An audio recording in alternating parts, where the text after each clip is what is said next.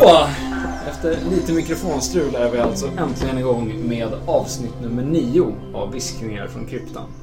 Som vanligt har jag med mig Joakim och Rob. Hallå.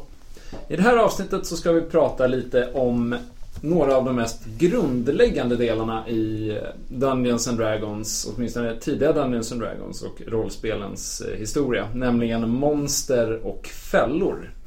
Det som eh, alla Dungeons huvudsakligen eh, innehåller. Det är hindret för alla skatterna som Ja, vi pratade om på tidigare möten. Jag fokuserat på alla skatter, nu är det dags för alla hinder. Så att det inte blir alldeles för lätt att eh, ta sig framåt här i livet.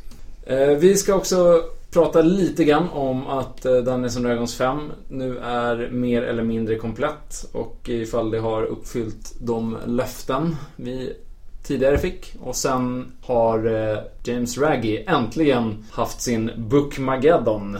Åtminstone för några av oss. Mm. Men eh, vi dyker direkt in på eh, vårt första huvudämne som är monster. Och och jag tänkte att vi kunde prata lite om varför eh, finns monster? Varför är monster en så central del av Dungeons and Dragons till att börja med? Det är, alltså utan monster så är det inte Dungeons and Dragons som man ska dra det lite som det hörs namnet. Dragons. Utan Dragons så är det inga, så är det bara Dungeons. Så att det är, det är en vital del av upptäckandet tycker jag. För, för mig så är Dungeons and Dragons det är det här äh, exploring. Man utforskar nya saker, upptäcker nya saker, nya platser och nya monster. Jag tror väl att, att utan monster så är vad heter det Dungeons and Dragons i större utsträckning ett wargame och inte ett, ett fantasy-spel helt enkelt. Alltså det är, det är monstren, de andra raserna som gör att litteratur är fantasy och inte en thriller eller något sådant. Framförallt läser man i eh, alltså gamla OD och D så ser man ju det här att man ser lite grann mellan raderna att alltså författarna som Gary Gygax klagar högljutt på att spelarna sitter och läser eh, eh, böckerna och kan alla monster utan till och då är det inget kul att slänga på dem monster. Vi, alltså spelarna vet ju vad som händer och då är det inget kul längre.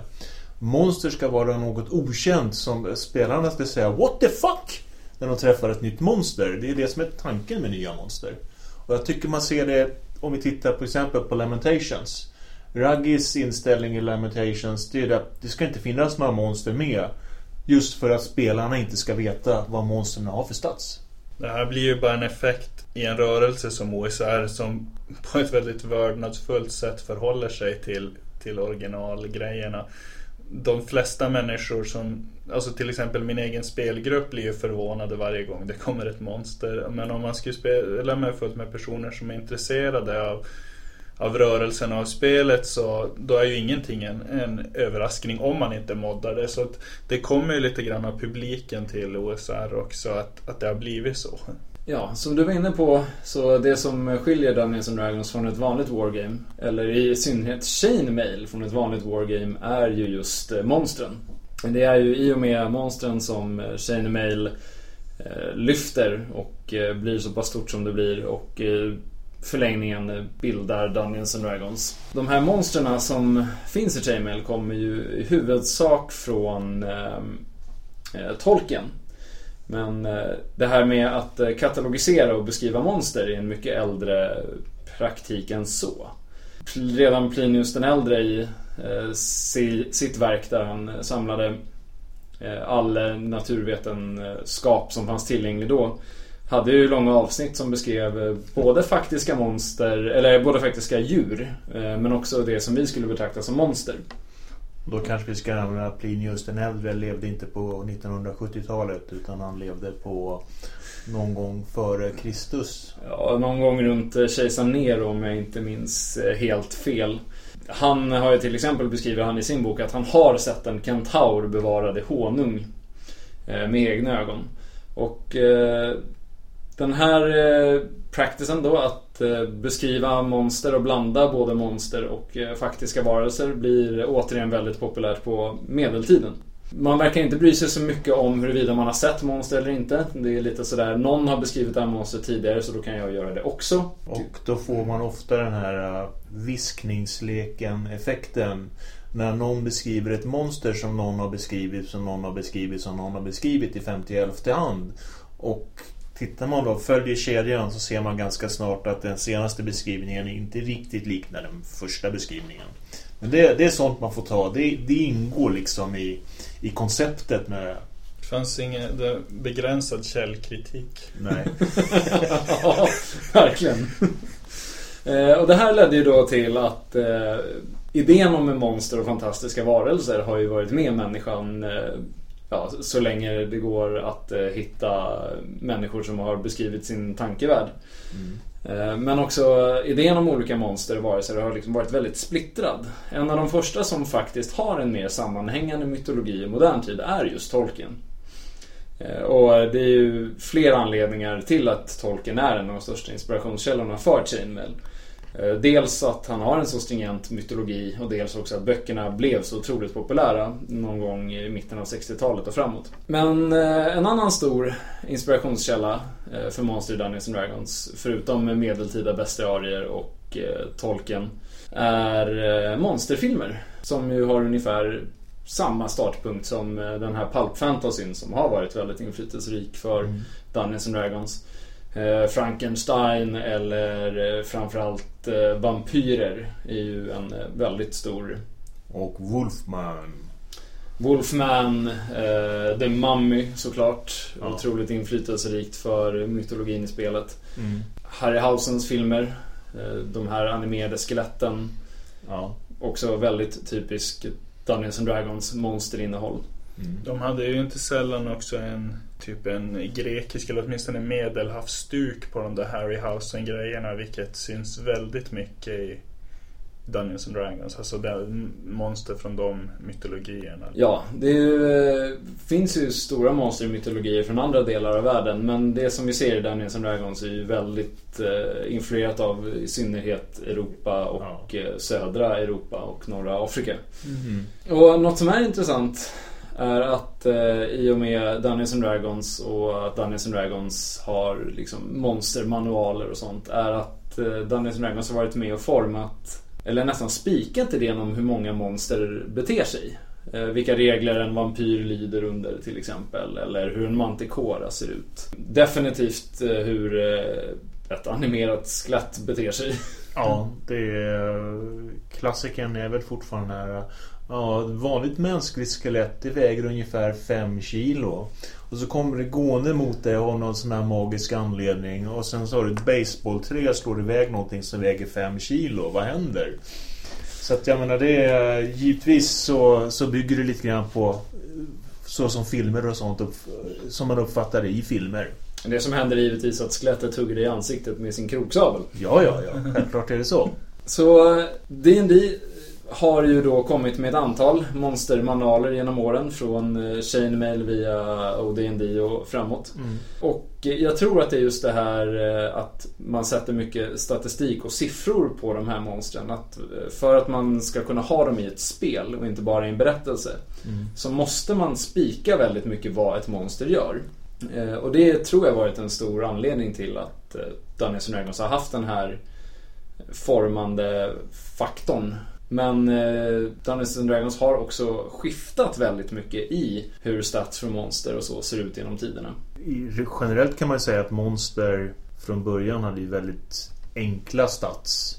Det behövdes nästan ingenting och sen har de då sakta men säkert blivit alltså mer och mer avancerade, så att statblocket som man behöver. I och för sig under hela eran ända fram till slutet av 80-talet så är statsblocken fortfarande väldigt enkla. Men alltså, det blir mer, det blir mer komplicerat och, och mer udda saker som monstren kan göra. Det är väl lite grann det att vad man använder monster till. Det är ju lite grann det att man, man ska få spelarna att bli förvånade och överraskade och undra vad i helsefyra är det som kommer gående där? Det är lite grann det som är tanken med, med monster och faktum är att går man igenom och tittar ursprunget till monstren i Monster Manual, ja, kanske inte Monster Manual då, då men i eh, Monster Manual 2 och Fienfolio som kommer senare. Tycker man liksom att ursprunget, ja det kan man hitta till någon gamla mytologi. Men inte riktigt det jag menar. De flesta, eh, inte de flesta, men många av monstren i de här kommer alltså från tidigare moduler. Så hela tanken med en modul, det ska finnas nya monster i modulen som ingen någonsin har stött på tidigare. Ja, det, det stämmer ju. Det, många moduler har det. Även om jag tänker till exempel på Keep on the Borderlands eller vad är det den heter? Into the unknown. In search of the unknown. Ja, jag tror inte att någon av de modulerna har nya monster. Och det är två av de mest klassiska. Mm. Som TSR släppte. Även... Eh... Men det är B-moduler, ja. så det är basic-moduler. Ja. Där är ju tanken att spelarna ändå ska vara helt nya i D&D Så de mm. behöver inte nya monster. De är, är, även om det är klassiska monster så är de nya för spelarna är ju tanken. Va? Ja, nej men det är sant. Eh, angående det här med hur saker och ting har förändrats rent tekniskt. Det, det, kan ju, det, det, tycker jag man kan knyta till hur Dungeons and Dragons har förändrat sig som spel. Vilket vi har nämnt tidigare. Där det börjar i, i, i Mega Dungeons och slutar i, i Dragonlands på något sätt. Och sedan så fortsätter det som någon form av zombie konstruktion därefter. Men, eh, men det, det, det, det jag också tycker är intressant och då finns det en möjlighet att jag, gräver ner mig i statistik här och så vidare. Sånt som man bara kan göra om man är en, en ekonom med OCD-tendenser OCD som tittar på olika versioner av Dungeons and Dragons. Men det, i, i början, det, det är intressant hur, hur saker och ting i Dungeons and Dragons utvecklar sig olika snabbt över tiden. Att till exempel när monstren gick från att alla gav en D6 i skada i början, vilket känns helt otroligt konstigt för ens inlevelse. Att en Purple Worm och en Goblin ger lika mycket skada där den ena väger x antal ton. Att de skulle ge samma skada det förändrade man ju då i Greyhawk. Samtidigt i Greyhawk så, så, så började man försöka diversifiera krigarna till att göra dem mycket mäktigare. De fick vapen som gav mycket mer skada än de andra karaktärernas vapen. De fick styrkebonus och sånt. Medan man i princip bibehöll eh, monstrens hitpoints. De fick en D8 istället för en D6. Men helt plötsligt så ska jag gissa på att det gick två eller tre gånger så fort att döda ett monster som det gick tidigare. Och det här kom samtidigt och jag skulle misstänka att de inte... Det är två olika system som är framtaget i princip inte, inte gjord för att de ska gå in i varandra utan först gör man ett system där man hmm, vi lägger på lite skada på våra monster och sen så undrar om vi inte borde variera, variera skadan på vapen också och sen helt plötsligt så får man en obalans där. Så det, det, de gick uppenbarligen olika snabbt fram. Sedan så när man gjorde Dungeons and Dragons gjordes ju liksom bak och fram, eller Advanced Dungeons and Dragons, där man började med monsterboken. Man måste väl ha kanske trott att det skulle vara det man hade mest potential att sälja, ska jag gissa på. Eller kanske också för att, får jag gissa så ska jag misstänka att Judges Guilds, när de skrev ihop de här alla monster på en sida, som blev väldigt populärt för att eh, i Dungeons and Dragons var det väldigt utspritt, att de själva insåg vi kan göra en sån fast hundra gånger bättre än deras. Så mm. då gjorde man Monster Manual. Sen är det ju lite grann när alltså ADHD Monster Manual släpptes att med lite god vilja så gick den även faktiskt att använda till eh, ODOD. Alltså de ursprungliga Dungeons and Dragons. Det, det gick ju faktiskt att använda monsterna i den här. Så det var ju, det var ju lite grann riktat för att, det, för att den skulle sälja överhuvudtaget. Eftersom det var den enda som fanns från början. Jag skulle vilja säga, jag skulle vilja gå längre än så och säga att, att The Monster Manual är inte en Advanced Dungeons and Dragons bok Nej. så mycket som det är en Dungeons and Dragons bok. Ja, för det, allting... det, det, är en sammanställning av, av tre, fyra års, fyra års Dungeons and Dragons produktioner egentligen. Precis. Och det är det jag menar. Och det, det lider Dungeons and Dragons lite grann av att eh, Monster Manual hade behövt skrivas om egentligen för att anpassas till skadesystem. Det är det jag vill mena på att det gör man långsamt i de andra monsterböckerna för att liksom komma ikapp utvecklingen av andra saker. Men mm. det känns som att på den tiden när man satt och skrev sina maskinskrivna manuskript så gick saker och ting så långsamt. Så, och när du väl hade skrivit hela ditt manuskript att du då skulle säga ja men hmm, det stämmer inte riktigt. Låt oss ändra i lite stats här och var. Så är det en gigantisk operation ja. som, inte, som inte är möjlig. Men om man, om man pratar lite mer moderna termer så skulle jag vilja säga att Dungeons Dragons med tiden går mer och mer från att man har äventyrardagen som sin pacingmekanism för spelet till att man går för ett encounter-baserat, alltså ett mötesbaserat perspektiv. Att man helt enkelt säger att, att det är viktigt att det här mötet vi har är väldigt spännande. Och Det betyder att monstren långsamt görs bättre och bättre. Eh, för att Eh, när, när, när gruppen ska möta på dem så ska just det här monstret ge dem en stor utmaning.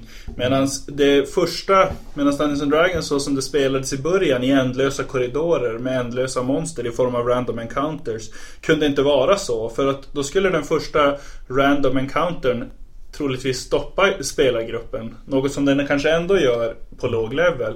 Men jag, jag tror att, att allt, allt för många försökte emulera litteratur och Tolkien och så vidare. Där du inte har ändlösa mängder monster som långsamt eh, grindar ner dig. Utan du träffar trollet där. Eh, mm. Och det är viktigt att trollet i Chamber of Marsbul eller vad det nu heter.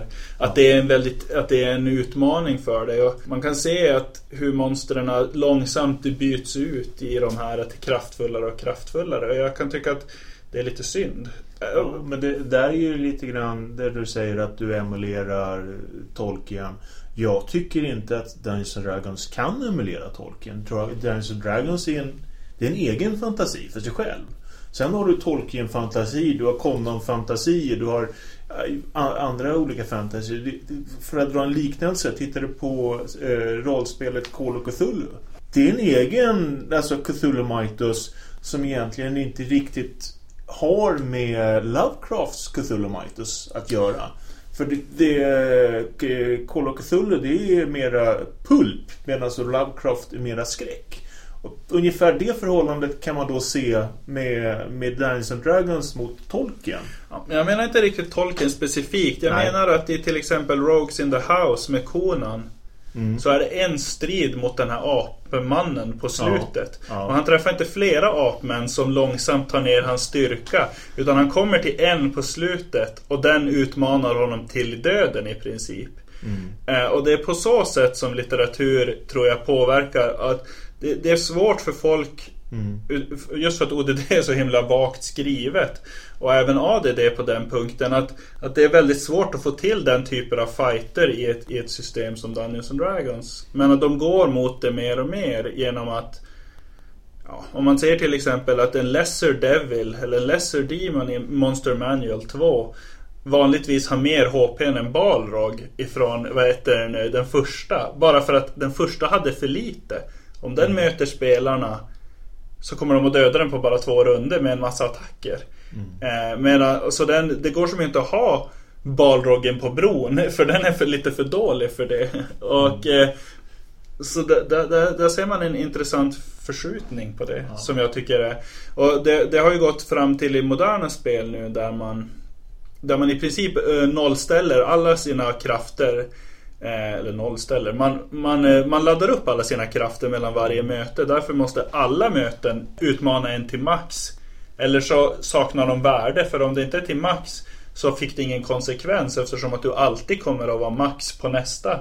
Jag tycker men, det är lite lustigt att, att Gygax själv går med på, på den också. Men det är även det här du säger att eh, monstren i Monster Manual 2 skiljer sig från Monster Manual 1. Att de här är tuffare för att vara mer anpassat för spelet. Jag tycker att det är återkommande oavsett vilket eh, vilken Dungeons Dragons version du tittar på. Mm. Tittar du på Dungeons Dragons 3 och tittar på de monsterböckerna som kom där och sen så kommer 3.5 och så tittar du på monsterböckerna från 3.5 då är, då är alltså balansen mellan dem de är helt olika.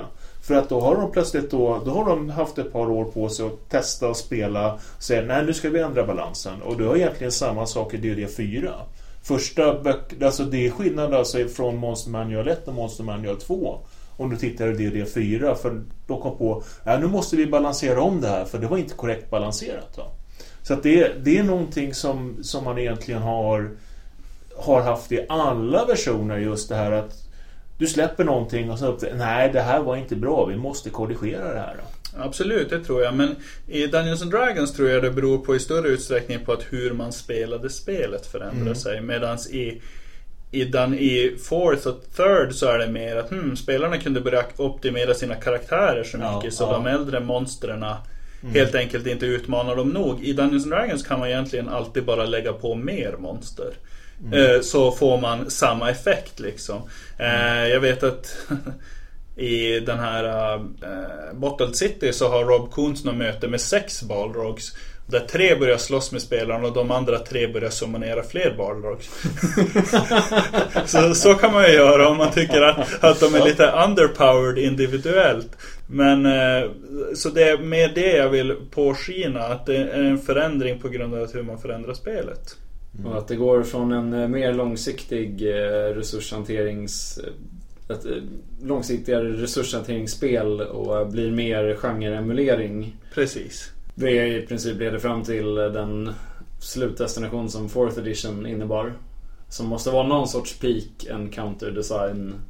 Ja precis, där var det ju verkligen matematiskt tänkt. Där hade man en underliggande, en underliggande tanke om att man skulle kunna räkna ut ungefär hur mycket skadespelarna kan göra per person mot monstren och då, då kunde du därmed tänka ut din sweet spot. Spelarna gör så mycket skador per runda. Då kommer det här monstret att hålla i fyra runder och eh, det kommer vara spännande på grund av att vi kan kontrollera det.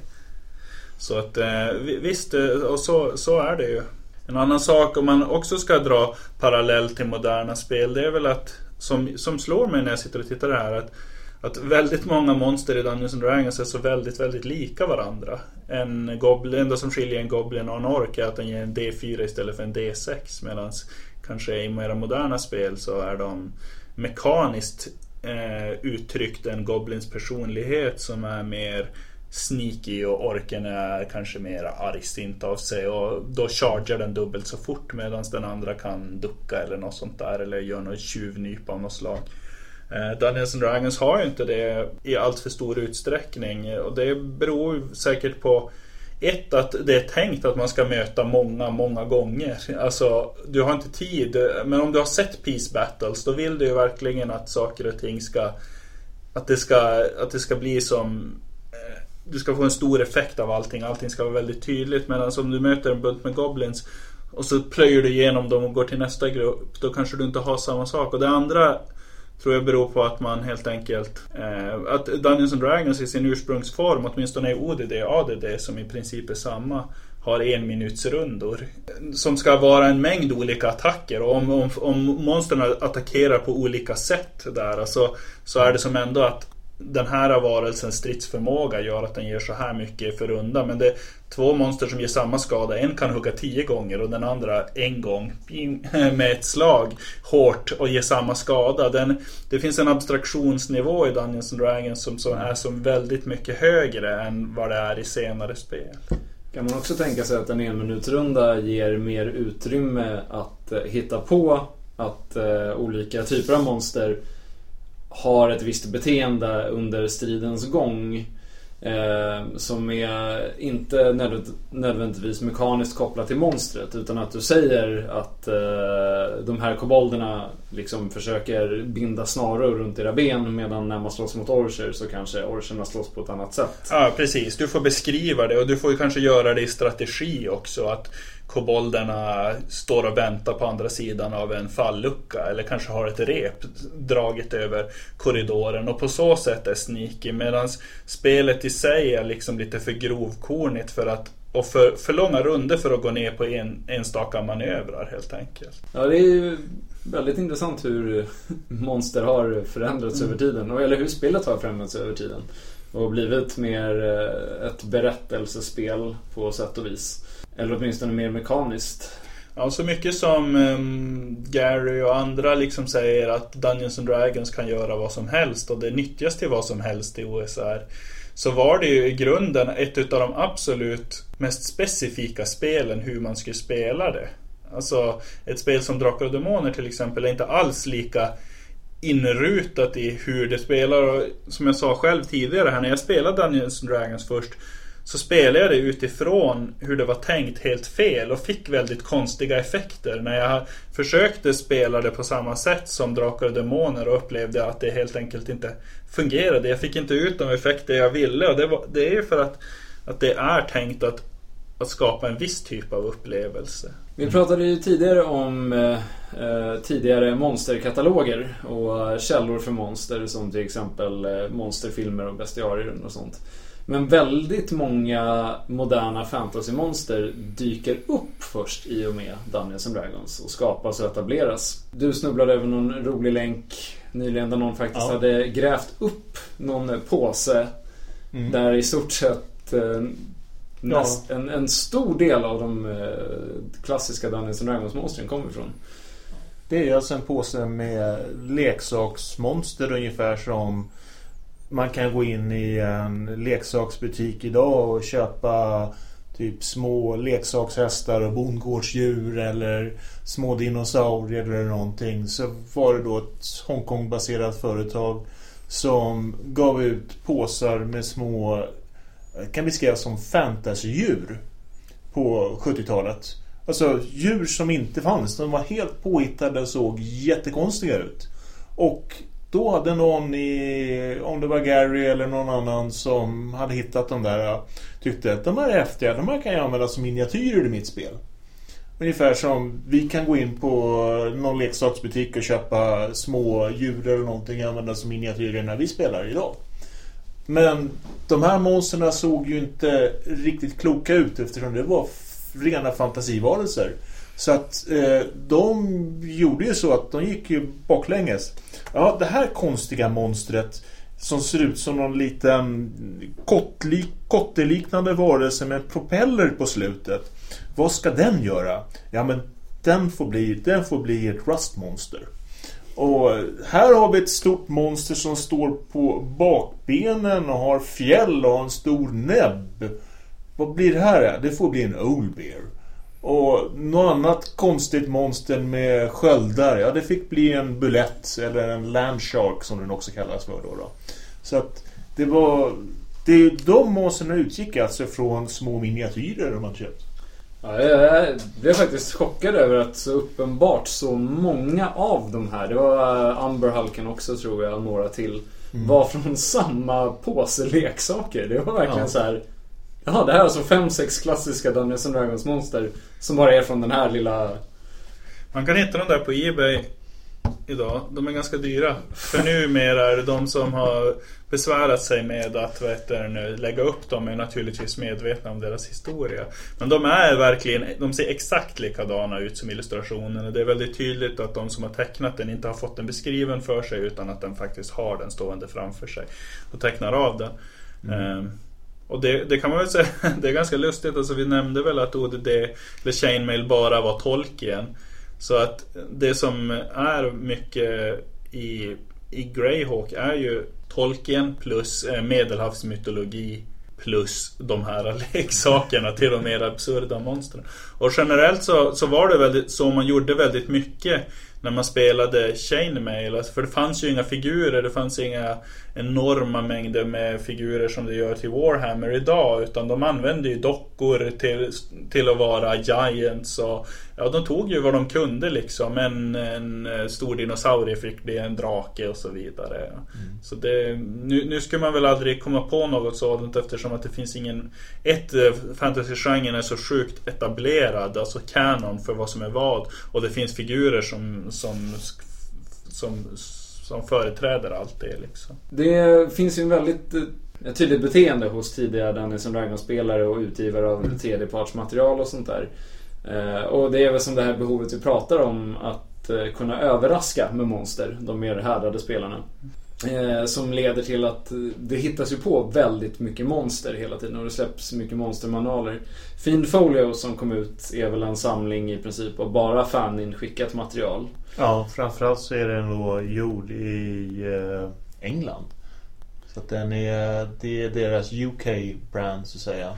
De hade ju ett kontor i, i England.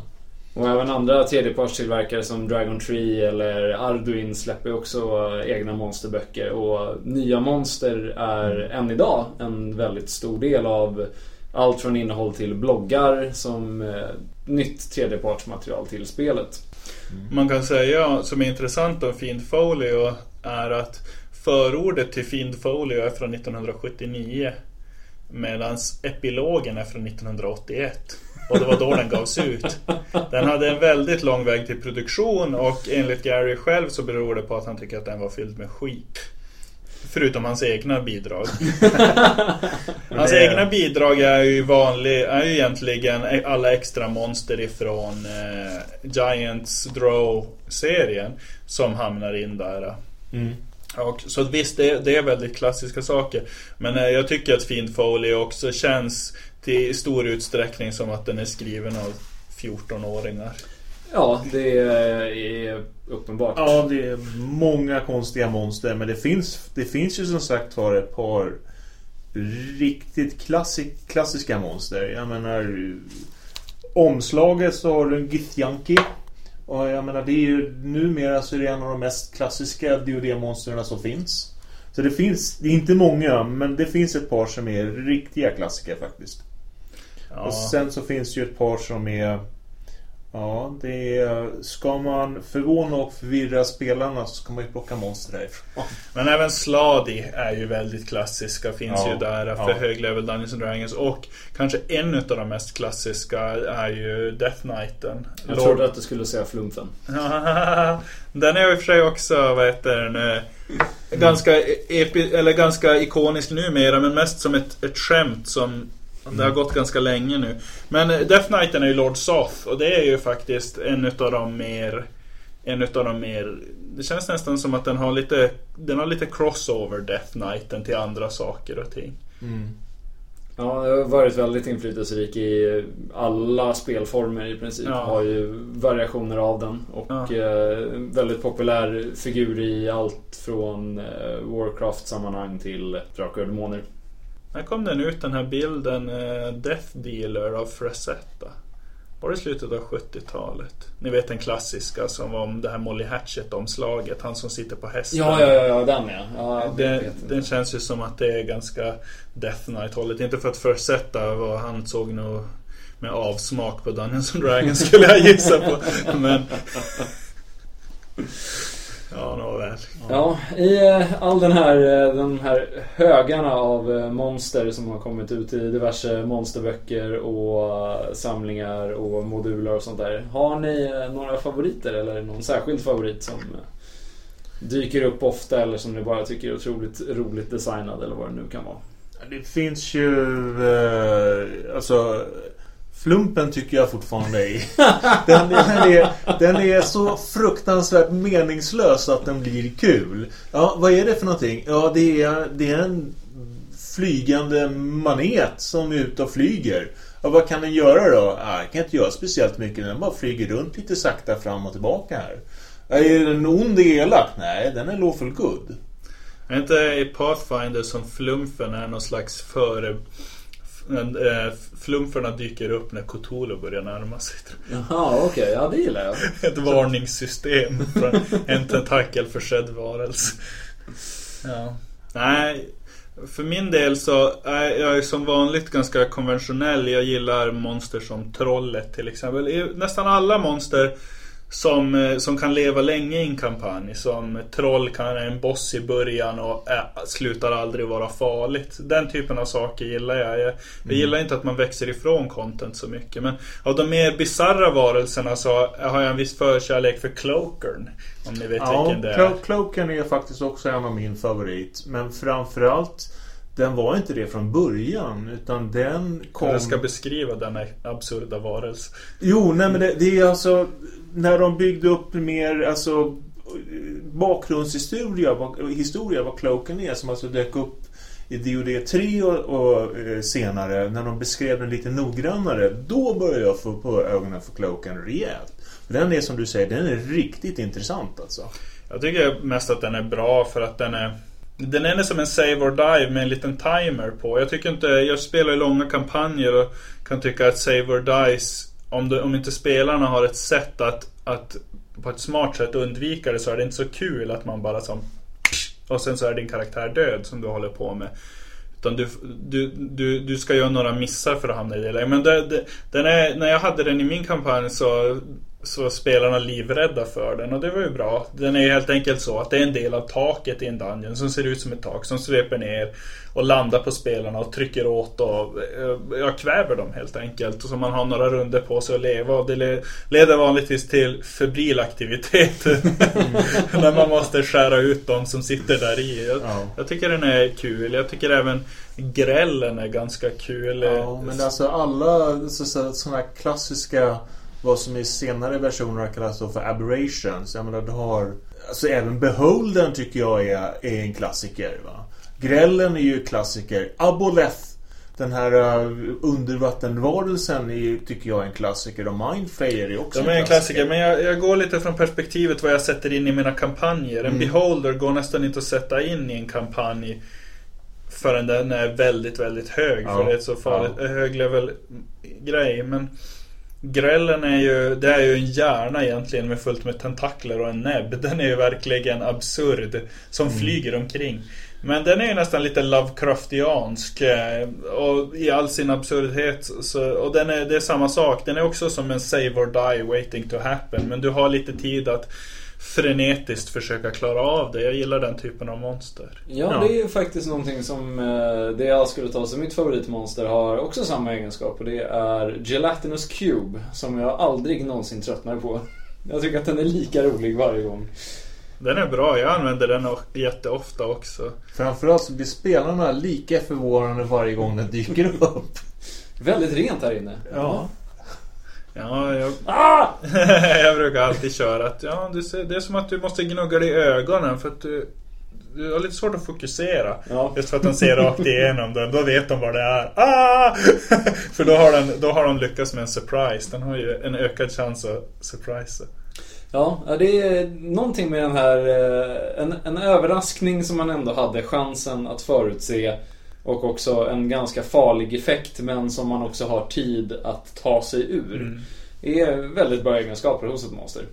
Den är väldigt bra just i ett spel där man har mycket resurser. Det, du får, du, det blir ju en encounter-based design av den. Ja. För att eh, du har någonting som inte behöver ge monstruös skada men den ger i encounteret genom den här specialförmågan får du ändå effekten att vi kommer att bli besegrade. Men när du väl har tagit den så har den troligtvis inte tagit allt för mycket resurser av dig. Så att den kommer förbi ett av Dungeons and Dragons eh, grundläggande problem eller en effekt av hur, hur det är tänkt att spela. Ett, ett smart sätt att göra monster. Till skillnad från till exempel en, en, eh, en Medusa då som som också är ganska häftig liksom. Men där är det bara pang pang så kan du bli av med halva gruppen. Mm. Ja, från ett hinder i grottan eh, till ett annat. Så tänkte jag att vi skulle prata lite om fällor också. Mm. Det här med eh, Dungeons som den klassiska äventyrarplatsen lär ju i mångt och mycket vara i synnerhet inspirerat av eh, de antika eller eh, äldre än så. De eh, gamla kinesiska och gamla egyptiska gravarna. För Dungeons i övrigt som de är porträtterade genom historien har ju inte så mycket att hämta. Alltså det finns egentligen ingen anledning att vara där. Däremot de här gamla gravarna har ju den klassiska plot devicen, det vill säga guld. Och eh, de har ju också de här kinesiska och egyptiska gravarna ett eh, element som också återkommer sen i Dungeons and Dragons Dungeons. Och det är ju som sagt fällorna. Eh, de egyptiska gravarna hade väl framförallt olika typer av mazes, alltså vad heter det? Labyrinter. Labyrinter och falska dörrar och sånt där. Fals, även, falska gravkammare och hela i alla fall i rullan där. Uh, jag vet inte om det fanns pit traps på riktigt eller inte. Det var väl eh, så vitt jag förstår så rasande tak var väl... Ah. Ja, det är nog lite enklare att få en pit trap att funka mm. så att säga. Ja just det. Så, eh, och ja, de här eh, kinesiska, den här kinesiska jätte, Imperial eh, jättegravarna som de har börjat gräva i nu. Och som de inte alls har hittat allting ännu. Sägs ju ha eh, tryckplattor som avlossar eh, armborstpilar eller armborstlod. Och eh, även eh, fällor med kvicksilver. Som kan rinna ut i lite för stora mängder för att det ska gå att hantera. Eh, det här har ju oavsett eh, hur eh, förekommande det här har varit så har det ändå följt med hela vägen till filmer som The Mummy och uh, sedermera Indiana Jones och eh, den typen av filmer och blivit en eh, del av vad för folk förväntar sig i en dungeon. Det var väl också så vi diskuterade här att, att de här eh, största utgrävningarna av, eller åtminstone några av de större utgrävningarna av, av pyramiderna skedde ungefär när Howard skrev Conan. Ja, och eh, Conan har ju väldigt många... Han är oftast inte i Dungeons och hittar skatter. Oftast är han i Dungeons för att han hamnade där och hade otur. Men däremot så är han ofta i Dungeons och Tombs som är fyllda med fällor. Det finns ju även några historier som handlar om den här uh, mörkhyade mästertjuven som bara i ett ländkläde ska ta sig in i den här uh, gamla kryptan och där det är fullt med fällor och så vidare. Och han, och, eh, liksom, så det finns verkligen tjuven som går in i en grav, eh, um, expert på att lösa fällor och så tar sig förbi och så vidare. Där är, den är ju väldigt, väldigt nära Dungeons and Dragons. Det. Ja, och eh, av eh, vad jag har läst så eh, det Arneson ägnade sig åt dagarna innan eh, han startade Blackmore, eller började planera Blackmore-kampanjen var i princip att läsa Conan Stories och kolla på eh, monsterfilmer. Så eh, att eh, spelet Det är Arnesons fel att vi sitter här. Eh, Arnesons eh, rätt. Jag tycker det låter som en eh, fantastiskt trevlig aktivitet. Men eh, det är uppenbart eh, att eh, i synnerhet konan då har varit väldigt inflytelserikt på hur fällor eh, ser ut att bete sig i OD&D.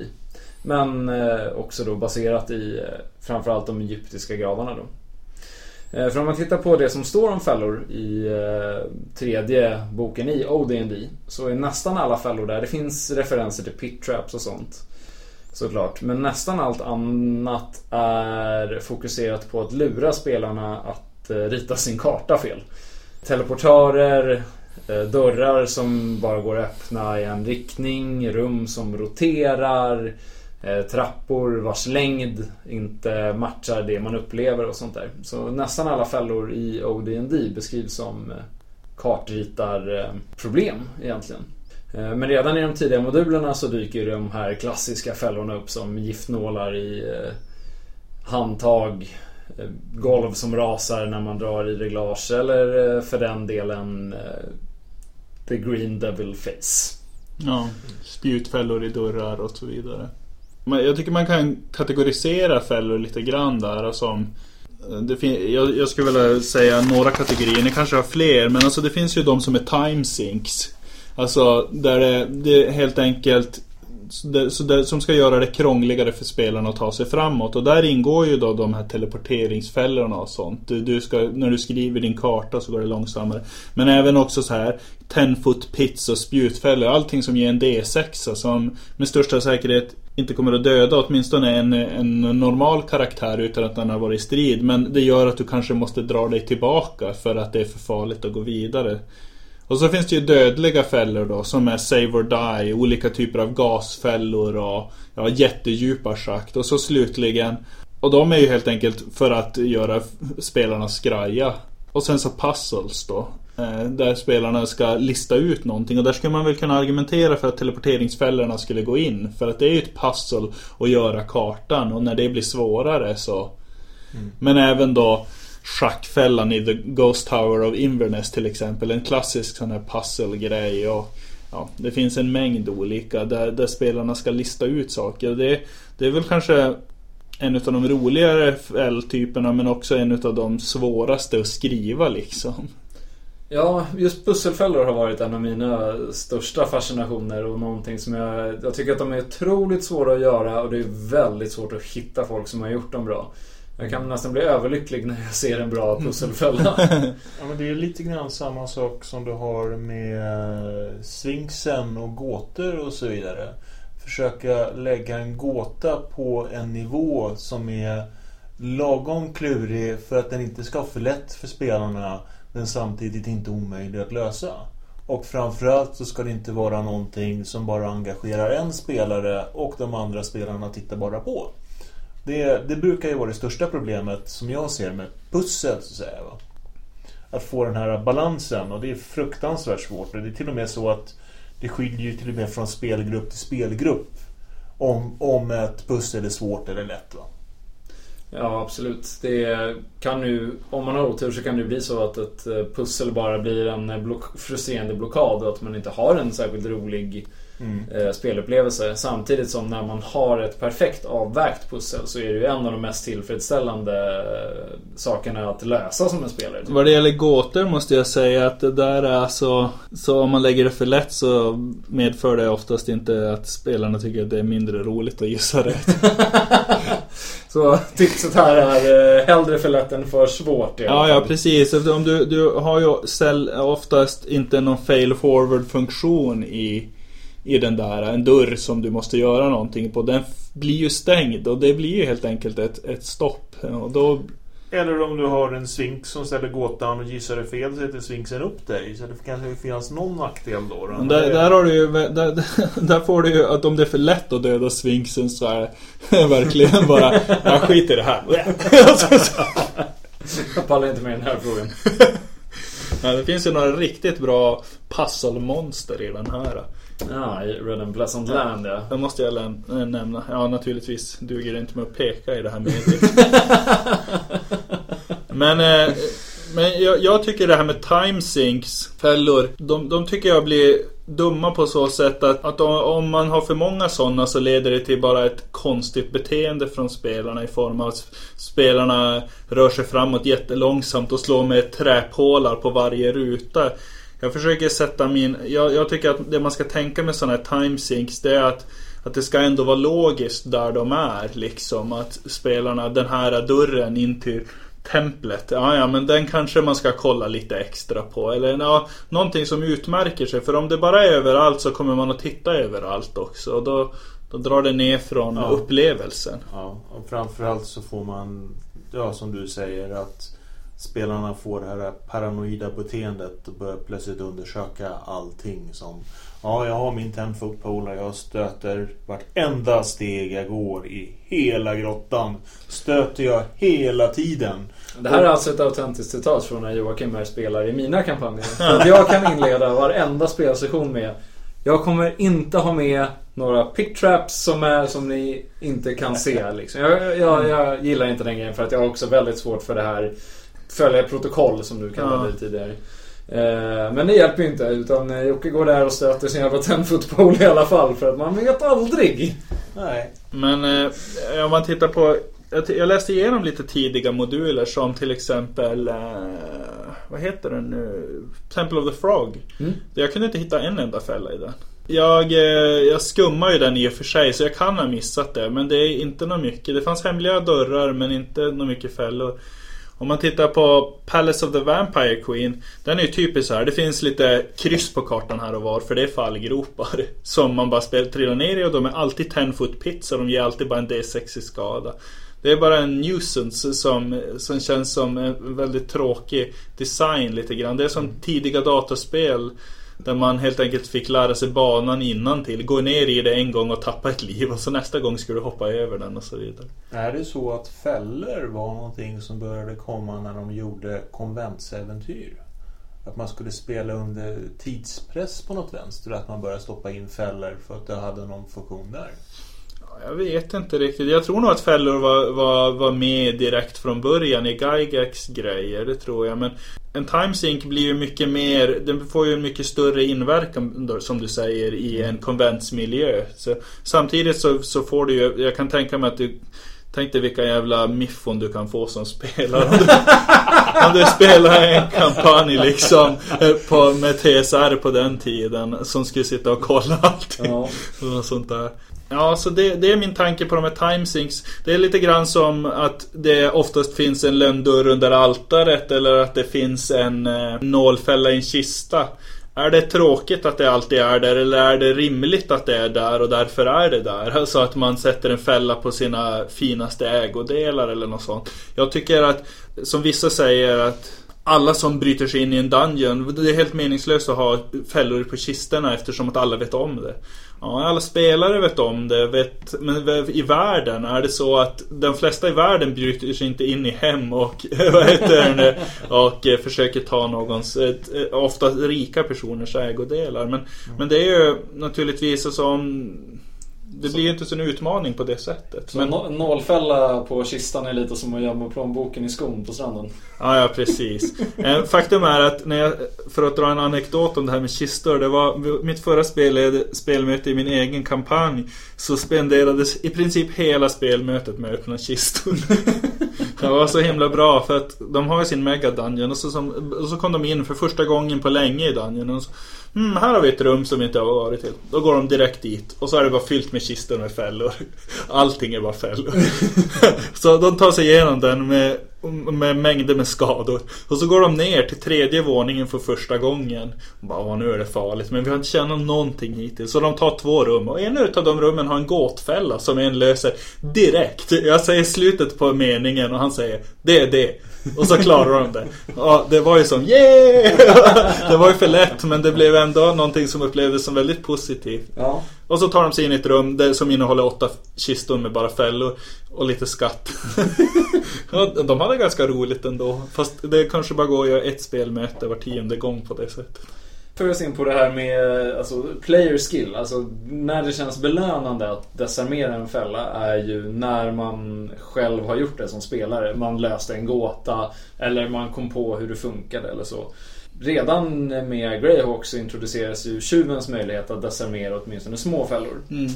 Eh, och det är ju expanderat med tiden till att kunna identifiera fällor, desarmera fällor och jag vet inte vad tjuven klarar av att göra med fällor nu för tiden. Utan att eh, spelaren behöver göra särskilt Plocka upp mycket. den och ta med sig Ta med mig den här fallgropen. Ja, hur känner ni eh, vad det gäller eh, att använda liksom färdighetssystem som skillsystem och sånt jämfört med att spelarna själva ska använda metodiker för eh, att hantera de här sakerna? Det varierar lite grann Alltså jag kan tänka mig en kombination. Det vill säga att de spelarna som vill beskriva och lyckas beskriva rätt, de får en bonus eftersom då, då gör de rätt och då slipper de fällan. Medan då de som är av någon anledning är lite mer allmänna, ja de får väl snå något slag va. Men som sagt, jag behöver inte mer avancerat slag än typ något sån här eh, wisdomslag för att kanske upptäcka någonting eller ett däckslag för att desarmera eller ett inslag kanske för att desarmera om det är något klurigt. Men, men alltså jag kan tänka mig det rent, rent allmänt system. Det behöver inte vara något avancerat system egentligen. Va? Men jag föredrar ju, jag tror, tycker att jag föredrar när spelarna är, är lite mera på och själva beskriver vad de gör än att de bara säger att decimerar fällan rakt upp och ner. Jag tillåter ju mina tjuvar som jag har i mina kampanjer att det enda som fällor som de kan hitta eller, eller desarmera med slag är, är alltså sådana här små fällor som nålar och sånt där. Eh, en, en, stor fälla som att ett rum snurrar runt eller något sånt. Det måste de söka för. Det måste de säga vad de ska söka. Det är helt enkelt så att där det handlar om manuell skicklighet, alltså eye-hand coordination och sånt. Där får man använda sin skill. Men allting som är observation eller vart du ska titta, det måste de göra själv. Där kom du in, du rörde lite grann på vad vi nämnde tidigare, det här med att man att tyvärr kan det här leda, det är ju det, det är ett roligare istället för att du säger jag kommer in i rummet, jag slår finna dolda, fällor, finna dolda ting. Och sen säger du ja i bortre hörnet så finns det en armborstfälla som du hittar liksom.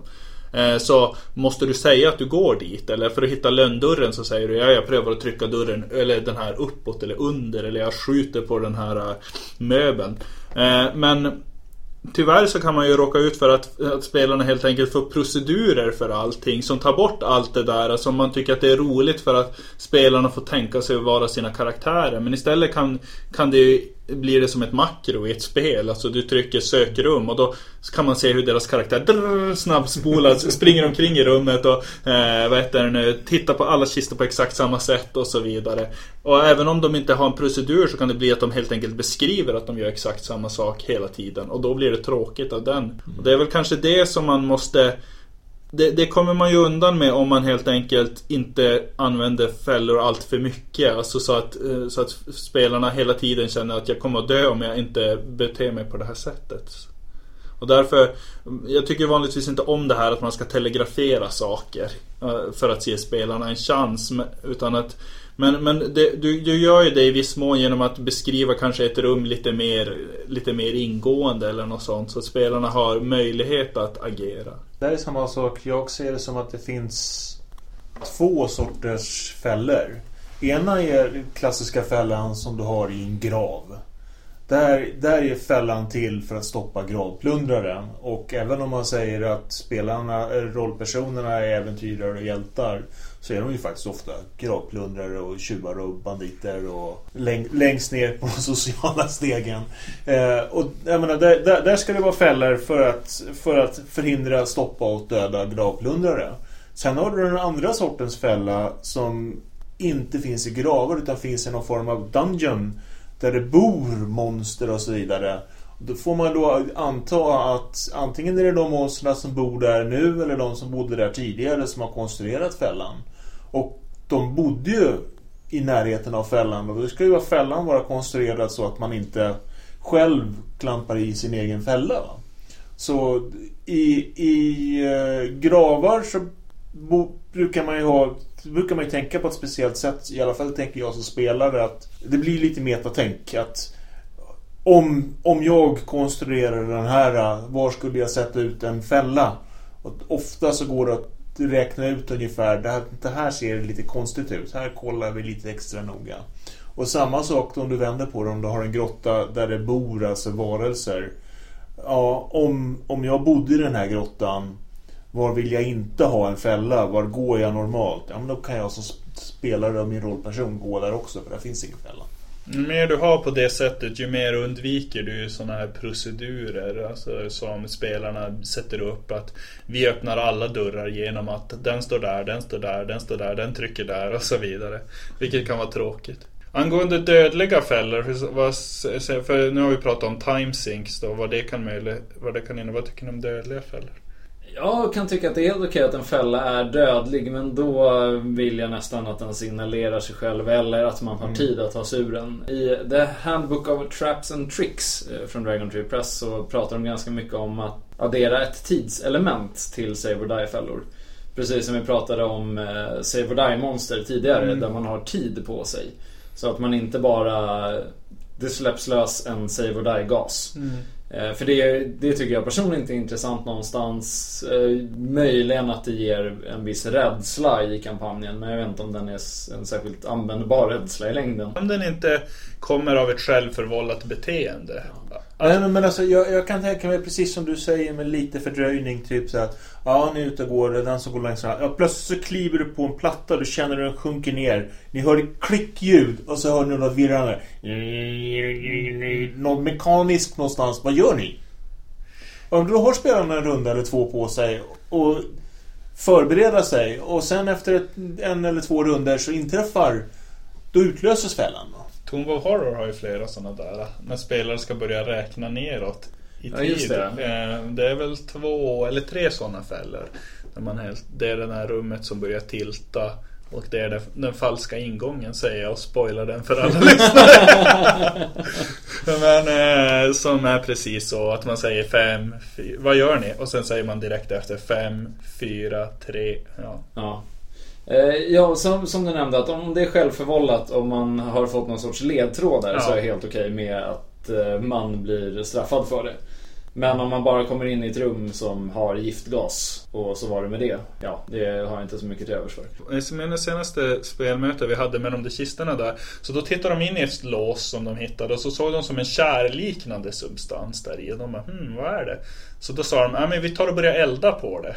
Och den här käran var ju till för att, eh, eller det var inte, eller kära honung, det var alltså en klibbig massa för att hålla gasen inne. Ja. Så när de började elda på den så, så sa jag att den, det blir som ett litet hål så gasen börjar tsch, innan det hela och då bara, då rusar ju alla. Men den var ju save or die. Ja. Men det, det tycker jag är precis rätt. Den, den annonserar ju sig själv på något Ja. vis. Det är spelarna som själva har startat Ja. processen på något vis. Eh, mot bättre vetande. Jag hade en fälla där eh, det brinner vid en dörr och så finns det juveler i dörren. Och de här juvelerna är någon sorts korkar för en väldigt lättantändlig vätska. Mm. Och det är en väldigt liknande princip då att man kan ju lista ut att det brinner ju inte här utan en anledning. Och man blir Men vi inte... vill ju ha juvelerna. Ja, det är såklart. Det är spelarnas girighet. Det är nog det absolut bästa sättet att utlösa fällor på faktiskt. Men det, det, men det var ju...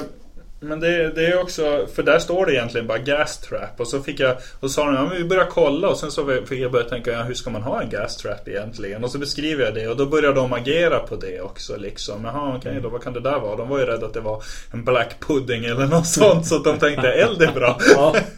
Ja, men de blir ju väldigt glada också spelarna när de gör något sånt. Alltså shit, ja där, duckar vi den där. För hade man bara öppnat mekanismen då hade det bara... Ja.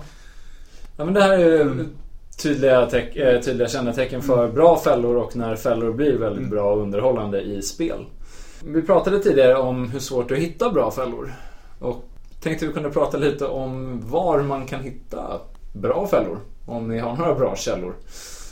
Oh, alltså de flesta bra fällorna det är, tycker jag, som är klassiska som man redan har använt sig av. Så nya bra fällor är, tycker jag är...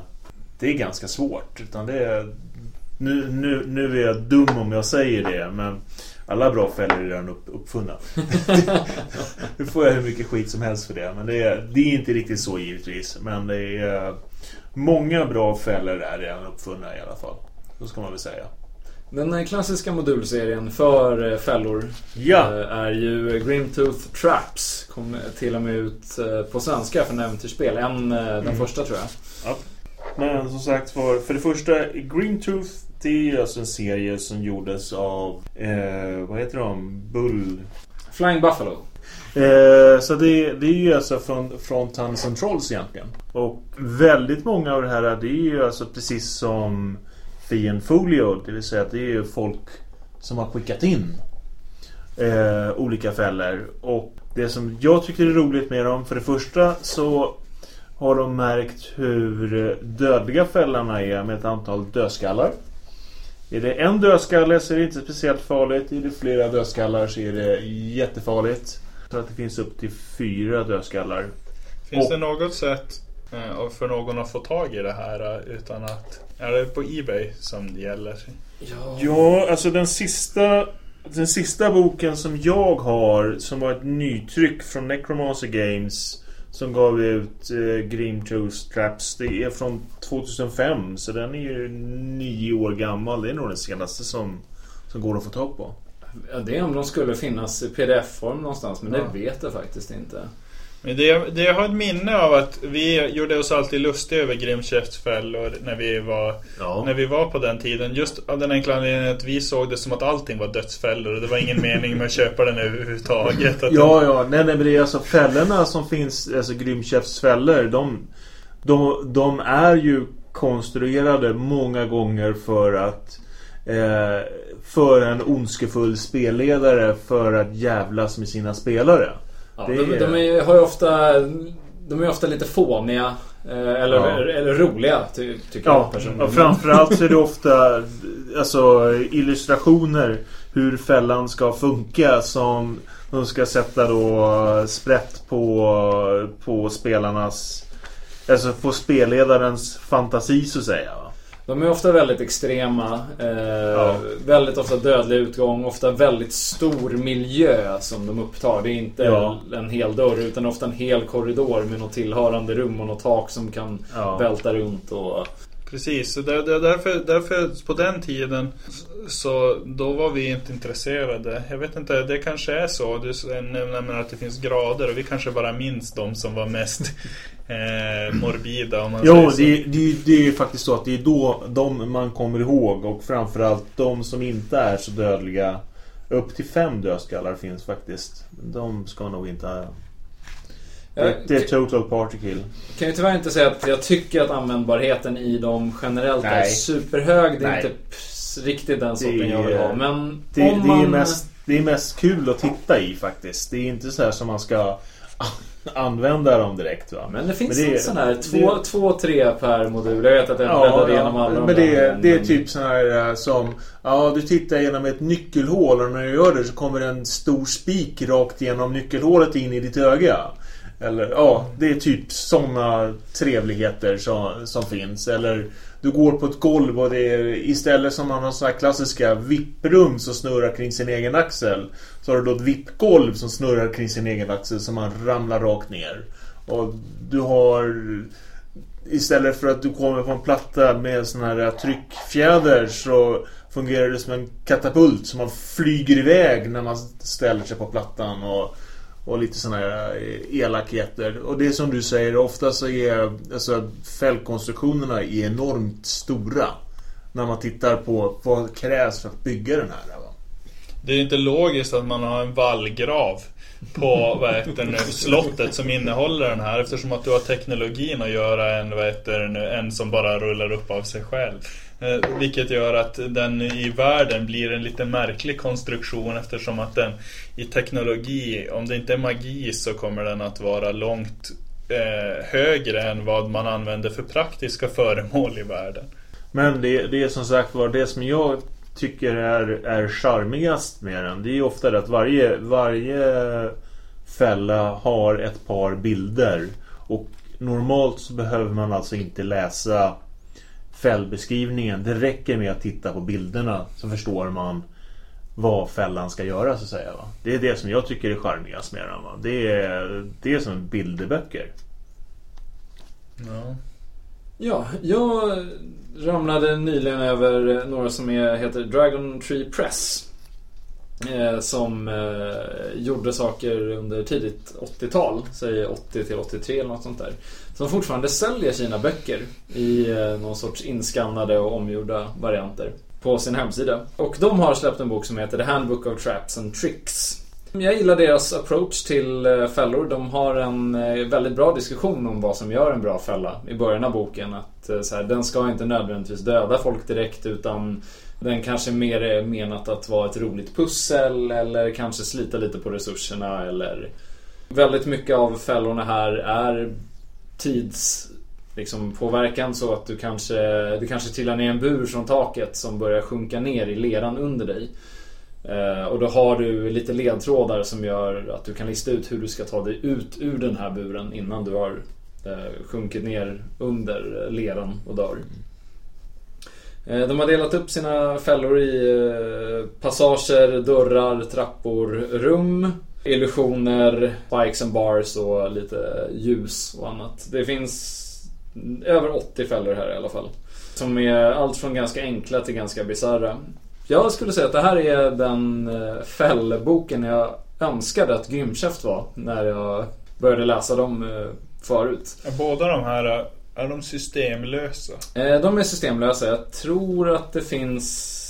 De har lite stats i sig. De är i princip skrivna till eh, Dungeons and Dragons plus Arduin 1, 2, 3. Mer eller mindre. Men... eh, Finns det några TIE Fighters i Inga referenser till TIE Fighters. Ja, det är bra. Tyvärr.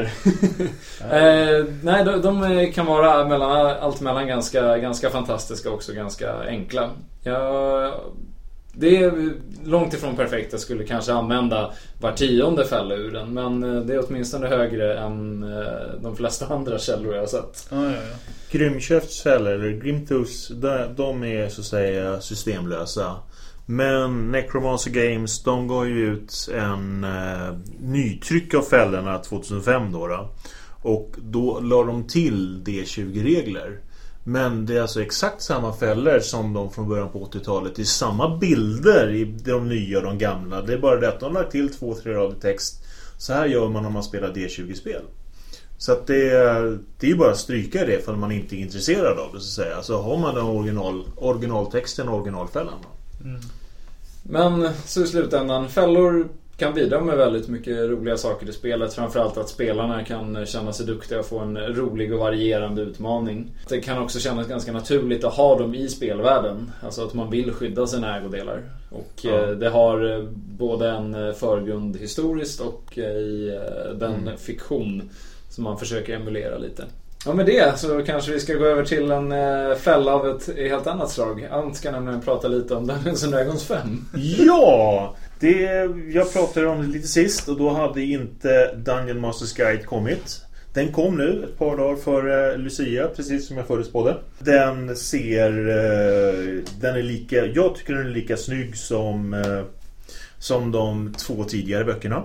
Sen om det folk tycker att det är snyggt eller inte, men det är samma klass på stilen. Tyckte man om de tidigare böckerna så kommer man tycka om den här också. Modern amerikansk fantasy. Ja. Jag tycker att konsten i boken är oändligt mycket snyggare än omslaget. Ja, alltså omslaget är väldigt överdrivet tycker jag. Så att det är... Uh, framförallt så förstår jag inte alls vad, vad det är. För det står att det är Ärkelischen Aserak. Men problemet är att Aserak det är ju Demolition. Och en Demolish är inte en Ärkelish. Så att det blir något jättetokigt fel där. Men det är typ Tomb of Horrors Year Zero. Ja, något, något sånt. Att det, blir, det är helt liksom obegripligt hur de har tänkt. Men det är, det, det är säkert men Det är mest att den ser ut som Skeletor. Nu vet jag i och för sig att det finns någon konstig fascination i, vad heter det nu med just He-Man i, i, i Stockholms OSR-rörelse. Ja, får man inte prata om att eh, något bilföretag eh, genialt nog lät Skeletor ta över deras Twitter-konto nyligen. Ja, men det, säger, det här... ja, jag förstår precis. Men ja, vad kan vi säga om innehållet då? Jo, eh, det är precis som man förväntar sig av eh, en DM-guide. Det vill säga att den tar upp hur man spelleder, den tar upp hur man bygger spelvärldar. Den tar upp eh, hur eh, man gör äventyr. Den har givetvis ett stort kapitel med magiska föremål och det är ungefär samma magiska föremål som finns, eh, alltså har funnits sen, sen gamla första DM-guiden.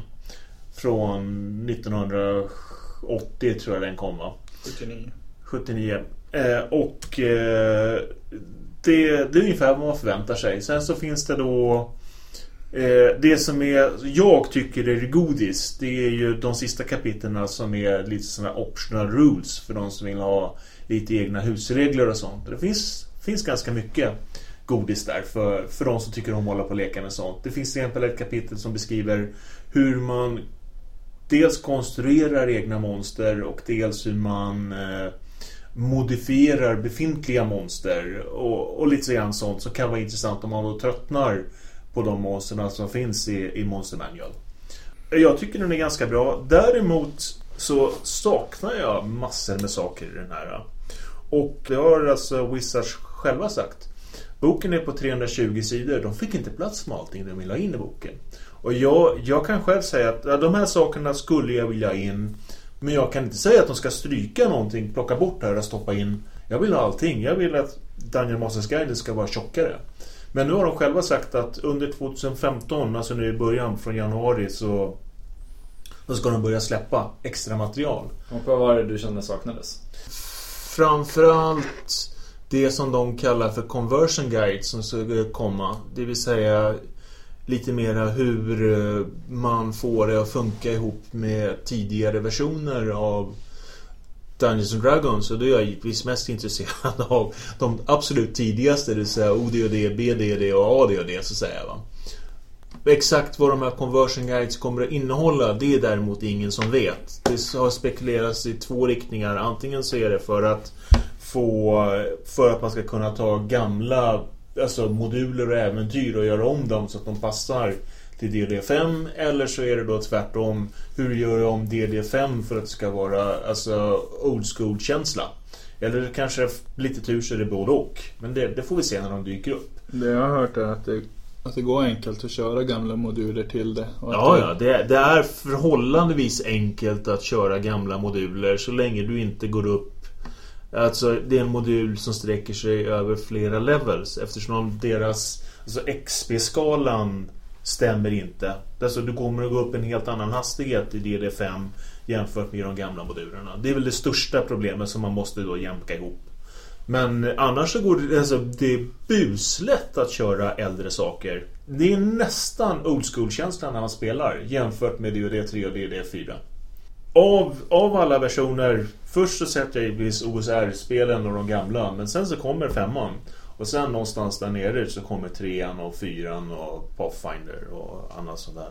Jag har hört att den många som vars ord jag åtminstone till viss del litar på tycker att den är bra och att den är lite Sax Sabbatiansk om man säger så. Alltså tabeller och ganska, ja, ganska ja. snabba korta stycken för att förklara saker. Eh, mm. För att göra snabba lösningar. Så ja, helt enkelt känns lite Warnhem-grej helt enkelt. Kanske inte lika mycket känsla men det där med uppfinnings... Att göra det snabbt och lätt. Ja, ja, det, det är helt rätt. Det, nackdelen tycker jag med den och det finns även i de andra böckerna också. Det är det att man förväntas lära sig hur boken är konstruerad. Det är många sådana här äh, saker som ja, det står någonting någonstans och sen så står resten av informationen om samma sak står i ett annat kapitel. Så ofta så för att få en helheten av en sak så måste man bläddra mellan två tre kapitel. Och det tycker jag är, då har man misslyckats som konstruktör. Om man då inte är så här att man faktiskt lär sig spelar så pass mycket som man lär sig boken utan till ungefär. Va? Ja, jag är inte eh, hyperintresserad av DND5 men inte heller helt ointresserad. Och jag är nästan lite nyfiken på att skaffa just Dungeon Masters Guide. Den ser helt okej ut. Mm. Ja, nej men det... Jag... Nu samlar jag på allting men jag säger att det är värt pengarna. Tur det med tanke på hur mycket den kostar. Från något jag är intresserad av att skaffa till något jag redan har skaffat men ännu inte fått. Du har en upplupen fordran. Den eh, absolut största, det största släppet eh, inom OSR-rörelsen i år måste ju vara James Raggis så kallade Bookmageddon. Som äntligen har börjat landa hemma hos eh, några få lyckligt eh, lottade. Till exempel Robert. Ja, just det. Man kan bara uppnå en sån här Bookmageddon om man är sjukt försenad med en mängd olika projekt och sen blir alla klar samtidigt. Jag menar på det att han är lite dålig på att hålla sina deadlines. Men det är värt att vänta åtminstone för sådana här produkter. Och den här har ju faktiskt heller inte missat någon deadline. Utan, för den har inte haft någon. Hade den haft den hade den varit missad, skulle jag misstänka. För jag tror att manuset lämnades in för ett och ett halvt år sedan eller något sådant till honom.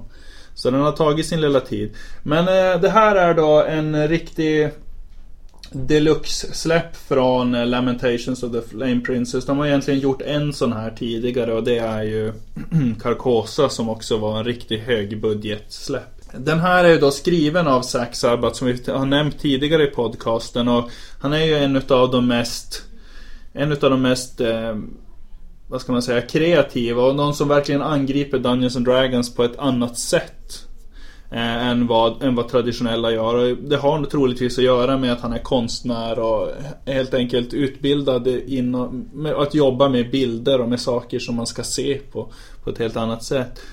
Eh, boken är i alla fall en eh, vad Världen den är 190 sidor lång. Den är iklädd i så här, riktig, inte de här äh, kartonagen utan den är hårdinbunden, limmad. Den är, det här är något så här tygomslag med guldgrejer på. Och sen ett omslag av Zack själv. Zack har gjort all konst i boken naturligtvis då eftersom att han är Han är konstnär som sagt var.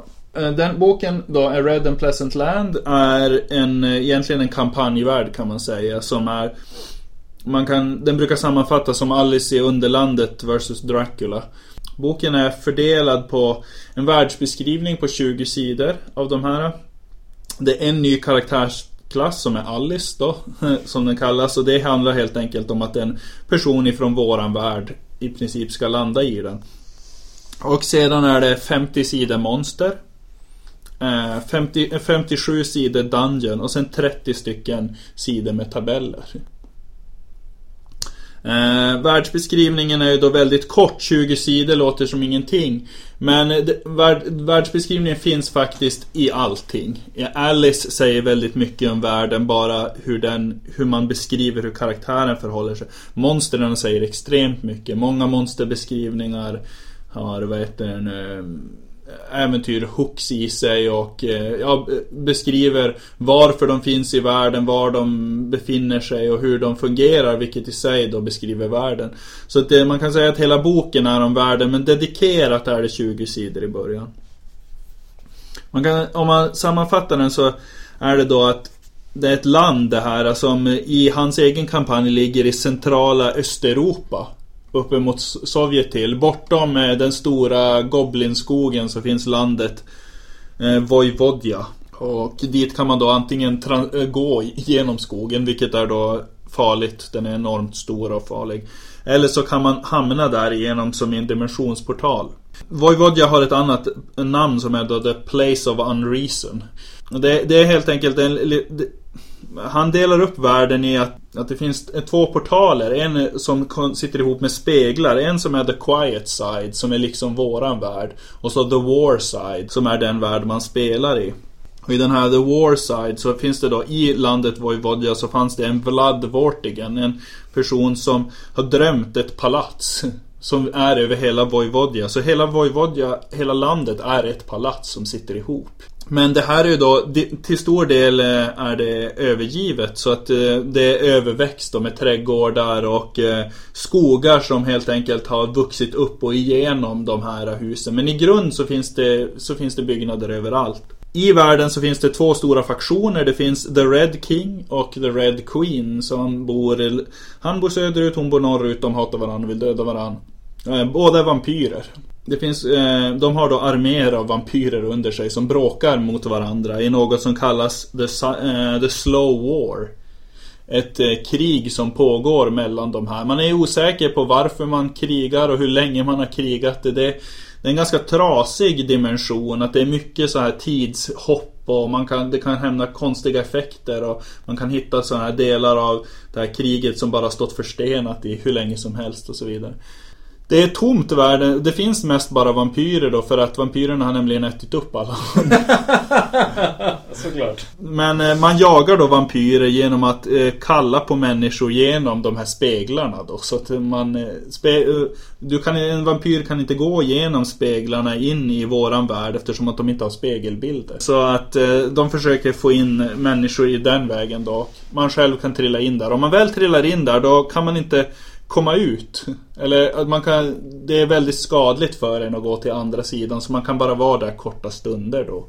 Man har också någon som kallas en quiet twin. Alla har ju någon som ser ut som sig själv på andra sidan. Jaha. Eh, som, som bara kommer till spegeln just när du är där. Men sen när du går bort så går den och gör andra saker. Och de här kan ju faktiskt omkomma också. Och om du omkommer så blir de en så kallad ordinary. Och det är de som vanligtvis äts upp av vampyrerna. Hur som helst så Alice är ju då Alice i Underlandet, någon som trillar igenom. Egentligen en tjuv som får slå på en viss tabell varje, eh, varje level så får den olika förmågor som Alice hade aldrig sett en sån här förut. Heter den här förmågan och då kan den ge någonting som att plus på varelser man aldrig har sett förut eller något sånt där. Eh, så de förändrar sig väldigt mycket och man, de man råds när man spelar det här att åtminstone första gången ska man spela med med karaktärer som inte kommer från Vojvodja eftersom att den är så väldigt eh, Den är så väldigt kaotisk och så ny så att det blir jättekonstigt om någon ska spela en karaktär där spelledaren hela tiden får säga Men du vet det här. Du vet det här eller förklarar det här utan det är mycket bättre att man kommer utifrån. Om man sedan har spelat några kampanjer i Vojvodja då kan man ju spela någon som kommer därifrån på ett annat sätt eftersom att då behöver man då, då, då känner man till det för att man har upplevt det med andra karaktärer. Människor lever i skogarna i någon slags hemliga... De helt enkelt gömmer sig från vampyrerna med ritualer och sånt här och har som ett eget litet krig då mot vampyrerna. Eller för vissa och vissa försöker bara leva där. Det, finns även två till faktioner förutom de här Red Queen och eh, Red Queen. Det finns The Pale King and the Mad Hatter som kommer från ett annat ställe som också är, alla är vampyrer naturligtvis. Eh, som kommer dit med sin armé för att stödja någon sida.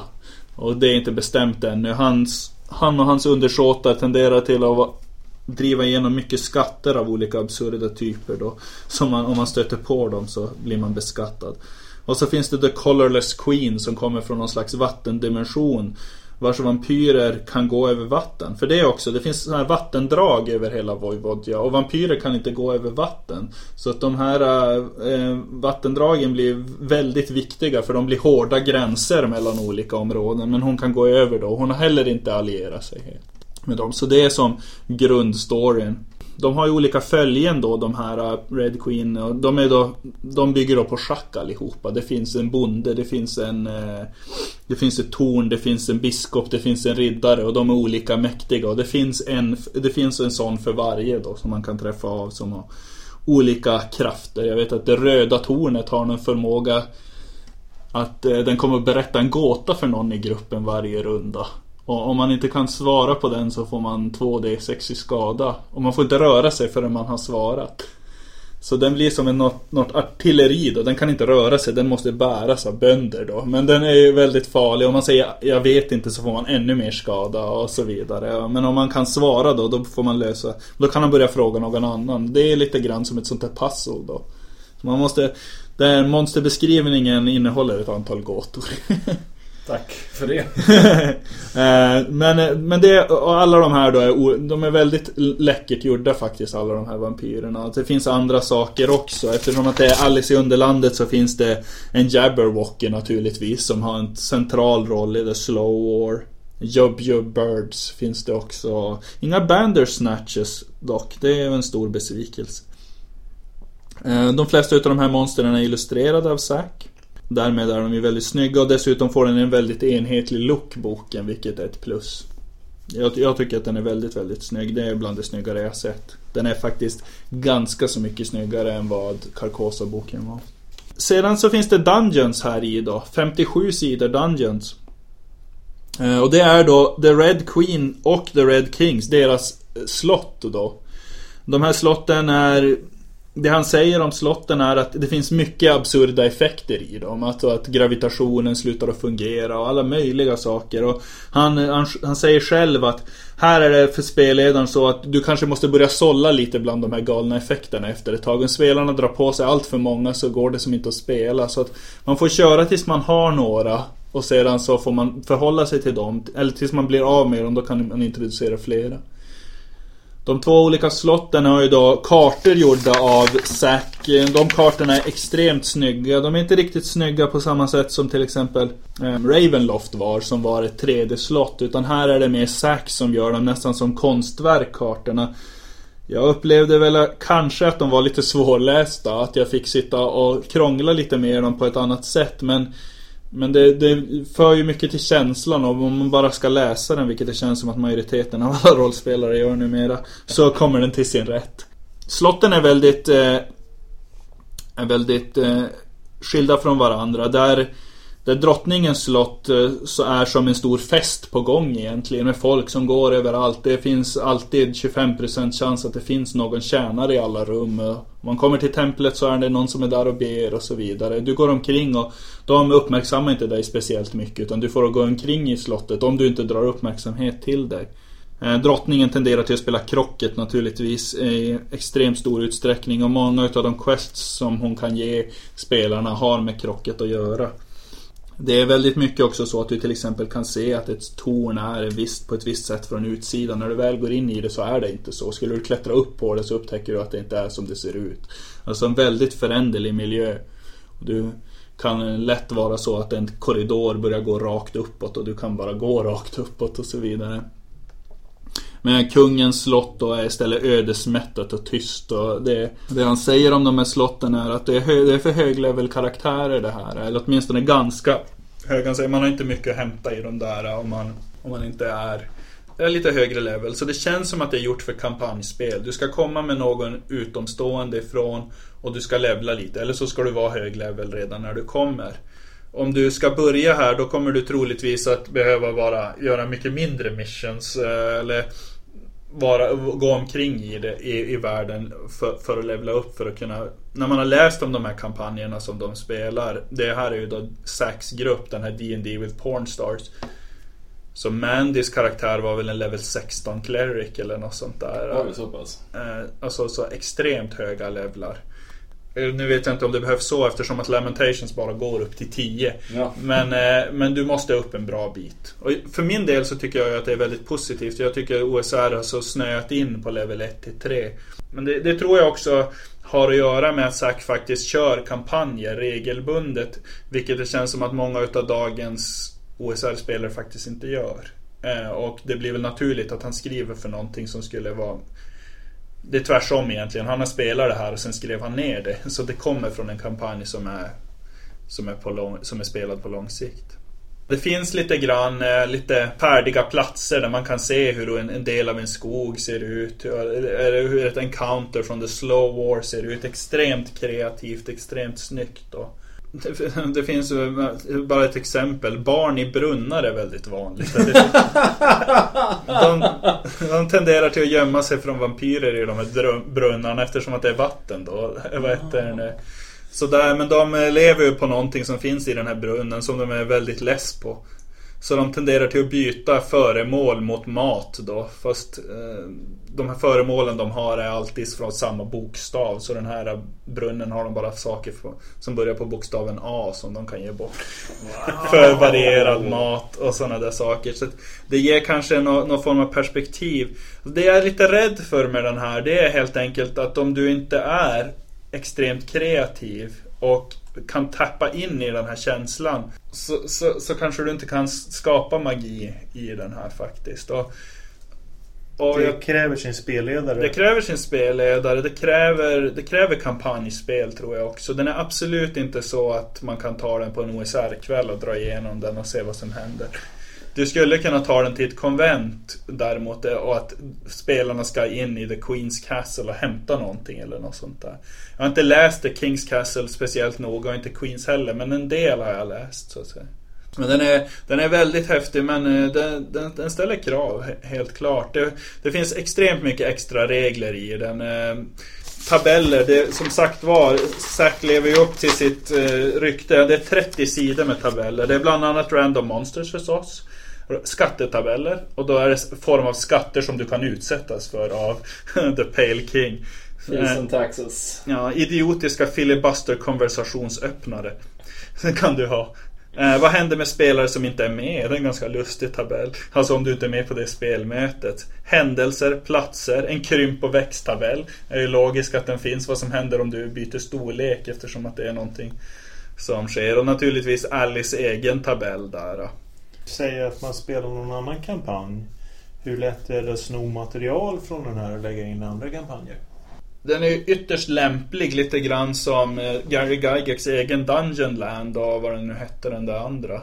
Som var i Alice-världen. Alltså väldigt lätt att du kan trilla in i en dimension, i en spegel bjuder väl in till att du ska kunna hamna där inne. Eh, så att du kan väldigt lätt hamna där och, och vara en fish out of water. Eftersom att världen är så konstig. Men monstren är ju väldigt bra att ta. Varför inte bara ta det där monstret med gåtorna och sätta in i en annan kampanj? Vilket Zack har gjort också till, till Death Frost Doom faktiskt i viss mån. Zack skrev ju om Death Frost Doom i, också i den här så kallade bokmagin. Men jag, jag tycker att den, är, den här ska man verkligen ha. Jag funderar faktiskt på att köpa en bok 2. Den har ju sålts extremt bra. Av dem, det finns bara 100 drygt ex kvar av de ex som, som han hade till sin webbshop. Men det är även 2000 böcker om jag har förstått det rätt som ska gå till distributörer. Jag tror att han till och med gjorde så nu att när det var ungefär det var 120 kvar och då bestämde han sig för att han skickar bara ut 1000 till distributörerna och tar 1000 till till sin webbshop. Ja. Eftersom den ju i princip är slutsåld i webbshoppen innan han ens har hunnit skicka ut allt som är sålt. Ja, det är en väldig, det är en väldig framgång för, för honom. Den är ganska dyr boken men det är inte så konstigt för den är ju... Den här skulle den vara... är ju supersnygg alltså. Ja. Det, är, det är ett konst, konsthantverk. Den är ju som en, den är ju som om du skulle köpa en ny, en ny hårdinbunden bok på... De kostar ju 300-400 spänn om du ska ha första eh, hårdinbundna boken av en... Och den är, den är ju...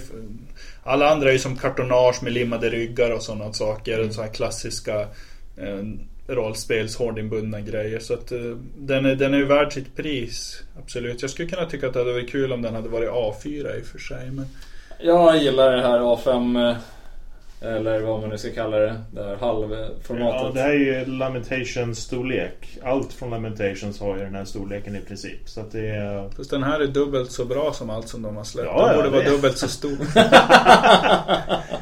Nej men jag, jag tycker att det hade, framförallt med konsten och med de här eh, kartorna som är lite tuffa liksom. Det hade det inte gjort något om den hade varit A4. Men det är en minor quibble. Den här tycker jag man ska ha. Den funkar, den funkar som litteratur. Absolut. Också. Så att...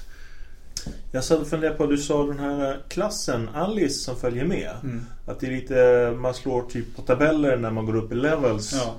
Eh, Raggi har jag gett ut sitt eget magasin, Green Devil Face heter det va? Mm. Det femte numret i den, där har han ju ungefär samma sak för de vanliga klasserna. Att man slår på tabeller istället. Är det någonting, vet du om det är liknande funktion som i Green Devil Face? Att, att, kan man kombinera ihop det? Att man använder det, reglerna från Green Devil Face tillsammans med Alice-klassen? Vet du det? Nej, jag tror att Alice-klassen är som en tjuv som avancerar lite långsammare i sina thieves skills. Mm, Okej. Eh, fler, det vanligaste resultatet du kan få, den är viktad den där tabellen, är att Mm. du får nya thieves skills. Som det är 0-1 till... Ja, det, det största intervallet är extra thieves skills. Eh, Mm. Jag tycker väl att, jag tycker de är ganska risiga de där tabellerna i Green Devil Face. Just för att du kan vara en fighter som miliar i 10 levlar och så slår du bara fel så du blir aldrig bättre på mili. Och sådär. Det, det, det känns som att det, det känns inget bra. Okej. Men den här är ju som att den, den levlar i sin takt och den känns väldigt rätt att, att Alice reagerar på saker som händer och lär sig av det. Medans, men grunden hur att hon får hitpoints och allt sånt där är, är intakt så att hon kan inte bli som Ja, bo- boken ser helt fantastisk ut. Jag har som sagt redan eh, betalt för den så jag hoppas bara att den trillar i eh, boklådan strax. Eh, vilka fler andra... Det kommer fler böcker samtidigt som den här. Vad- I det här jättesläppet. Stort, stort paket. Ja, jag fick två böcker som jag inte borde ha fått. som jag har kopior på nu. Så om ni skickar in en lite fanmail så kan jag posta ut. Nej men allvarligt så. Det, det var ju Death Frost Doom i den nya utgåvan med Sacks bidrag. Jag har inte läst den så jättenoga just för att jag funderar på om jag ska gå med någon gång. Men jag tycker att det känns jäkligt snyggt skrivet. Till exempel många utav de monster som, som bara är en white eller en Gol eller något sånt där eh, har ett namn, en historia, speciella förmågor som gör den encountern unik. Och eh, det finns lite andra saker som, alltså det är egentligen fullt med variationer och options. Eh, så vitt jag ser så skriver han ju inte om och sabbar den på något sätt utan den är helt enkelt bara expanderad utan att man, han har lagt till någon ny story eller något sånt. Fick du eh, någon uppfattning om de som redan har spelat den gamla versionen av Death Frost Dome? Har de någon värde av att försöka spela den nya versionen igen? Alltså blir den omspelbar så att säga? Alltså den är, han är ju vördnadsfull så vitt jag kan se. Alltså det är inga, inga förändringar på det stora hela. Men du, du skulle kunna följa med med en grupp som inte har spelat den om du är lite tyst. Och då kommer du att få uppleva helt nya saker varje gång.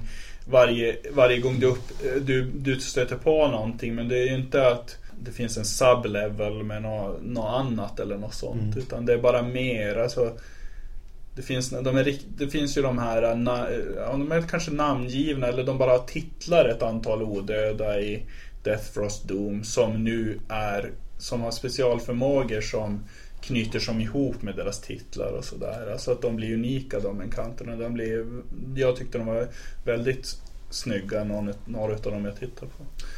Ja, Death Throws Doom har ju alltid varit en av de bästa modulerna jag har sett och spelat. Så eh, om det finns en av Zack expanderad version så är det bara att rekommendera den också. Den är hårdinbunden och väldigt snygg faktiskt. Det är, det är den. den är, all den gamla konsten är borta men den är inkluderad på slutet som någon slags litet retro Faktiskt. collage för att, eh, ja, för att belysa det.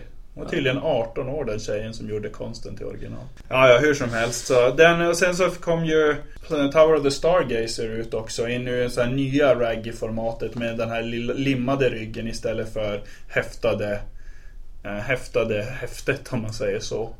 Och eh, vad var det mer? Det kom... The Idea from Space kom det nu? Nej, ja, det no. Salvation for Witches också. Ja, just det. Uh, no Salvations for, for Witches och den där andra också, The ID from Space. Jag tyckte att den där The ID from Outer Space såg beige ut. Uh, den, den tilltalar mig inte. Och den där andra... Ja, ganska bra liksom. Den påminner... Jag får, jag får lite vibbar av... Av miljön i... Heter det nu? I Better than any man. Alltså som att det, man skulle kunna lägga in det där. Den ser ganska bra ut. Jag är tveksam om jag kommer att köra den någonting. Jag kanske kommer att skälla lite idéer. Ja, vi får se om vi får någon nytta av den eftersom vi spelar just nu en kampanj som följer efter att vi spelade Better than any man. Ja. Och eh, ja, letar efter lite mer grejer att beta av.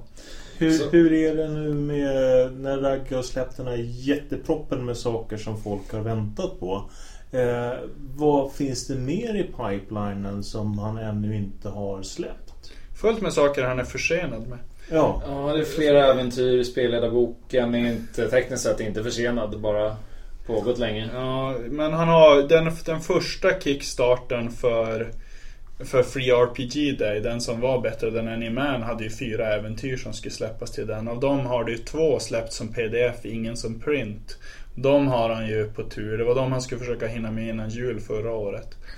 eh, sedan så har han ju den här Raphael Chandlers dinosaurie Hexcrawl som skulle komma med årets eh, Free RPG Day är ju heller inte klar. Eh, så de, de, det är väl sex stycken grejer där. Sedan så Undrar jag om det är något mer som ska dyka upp också. Säk om han hade något mer. Och naturligtvis den här Carcosa, men den kan man ju tänka sig när den skulle dyka upp. I, even, even, eller vad är det, den är det klassiska citatet om even death may die, even time may die kan det bli. eh, så, men det, det, det, är fortfarande väldigt mycket gammalt som. Men då och då så kommer det ju saker som den här uh, Thulian Echoes kom också, just det. Just det. Mm. Så var det. Ja, vi spelar som sagt en Lamentations kampanj nu och vi har väl någon idé om att uh, försöka spela igenom så mycket av det gamla som möjligt så att uh, vi kommer liksom ligga lite i fas med hans releaser om något år. Så det är det enda vi kommer göra fram till vi dör i sig. Ja. Du, någon måste ju pröva att starta en en Red and Pleasant Land-kampanj. Ifall det är så att man ska vara lite hög level och ska trilla in i en ny setting kanske det blir så att vi tar, eh, att vi i alla fall ska diskutera att ta vår kampanj den vägen. Vi har ett roterande mm. spelledarschema nu nämligen. Mm. Det enda och, är väl det att eh, alla som eh, hört talas om den här boken de vill ju spela, inte spelleda, verkar det ju som. Så ja, det... Nu, det, det, kommer, det kommer lösa sig. Det ja. kan ju faktiskt bli så att det kommer passa oss väldigt, väldigt väl. Att vi kanske blir level 6-7 någonstans. Mm. Eh, har svårt att hitta eh, saker i resten av LOTFP-utgåvorna mm. att ta vägen i. Mm. Och att trilla in i en ny dimension kanske vore det allra När ska bästa. ni spela igenom Carcosa-boken då? Ja, det är 2000... jag vet inte riktigt. När han släpper uh, spelledarboken så 2020 eller något sånt där. Ni måste hexcrawla alla rut. Det kvalificerar som att spela. Ja, nåväl. Ja. Men eh, så det om det. Det, det, var, det var flera bra releaser. Jag tyckte väl Death Frost Doom och eh, den här var absolut bäst. Ja, det är väl det som verkar mest intressant också. Mm. Generellt hög standard från Lamentations. Absolut, jag kan tycka att det är lite synd att Raggy skriver så lite själv numera. Ja, det är sant. Jag saknar hans eh, sätt att titta på spelet ur nya vinklar. Som skiljer sig ganska mycket från Zacks sätt att titta på spelet ur nya vinklar. Ja. Eh, det här metaspelandet som han har med. Vi har Adventure number 10